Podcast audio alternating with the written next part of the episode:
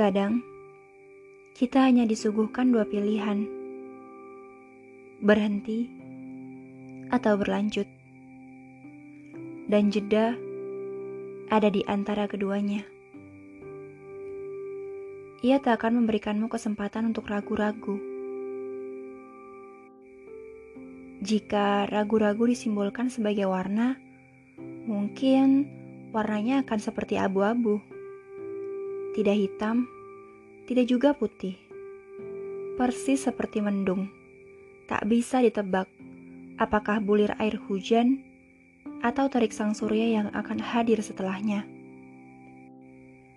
Jeda di antara kedua henti dan lanjut memberi kita waktu untuk mengambil nafas lebih dalam, membuang letih yang kian menindih, membuang ingatan yang bagi kita menyakitkan, memberi ruang untuk hati yang beranjak terbanjiri oleh air mata.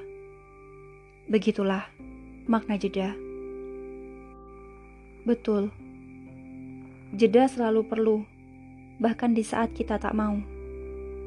Jeda selalu di sana, menunggu kita, menghampirinya.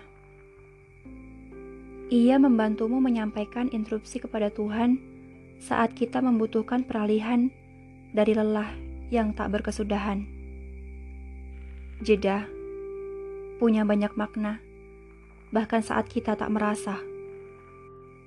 Jika berhenti adalah sebuah titik akhir, maka jangan ragu untuk mengungkap pesan terakhir. Jangan buat jeda menunggu untuk mendengar ucapan ragu-ragumu. Jeda tak pernah suka itu. Namun, jika berlanjut adalah sebuah kalimat bersambung, maka ajaklah serta jeda untuk menemani perjalananmu hingga titik temu.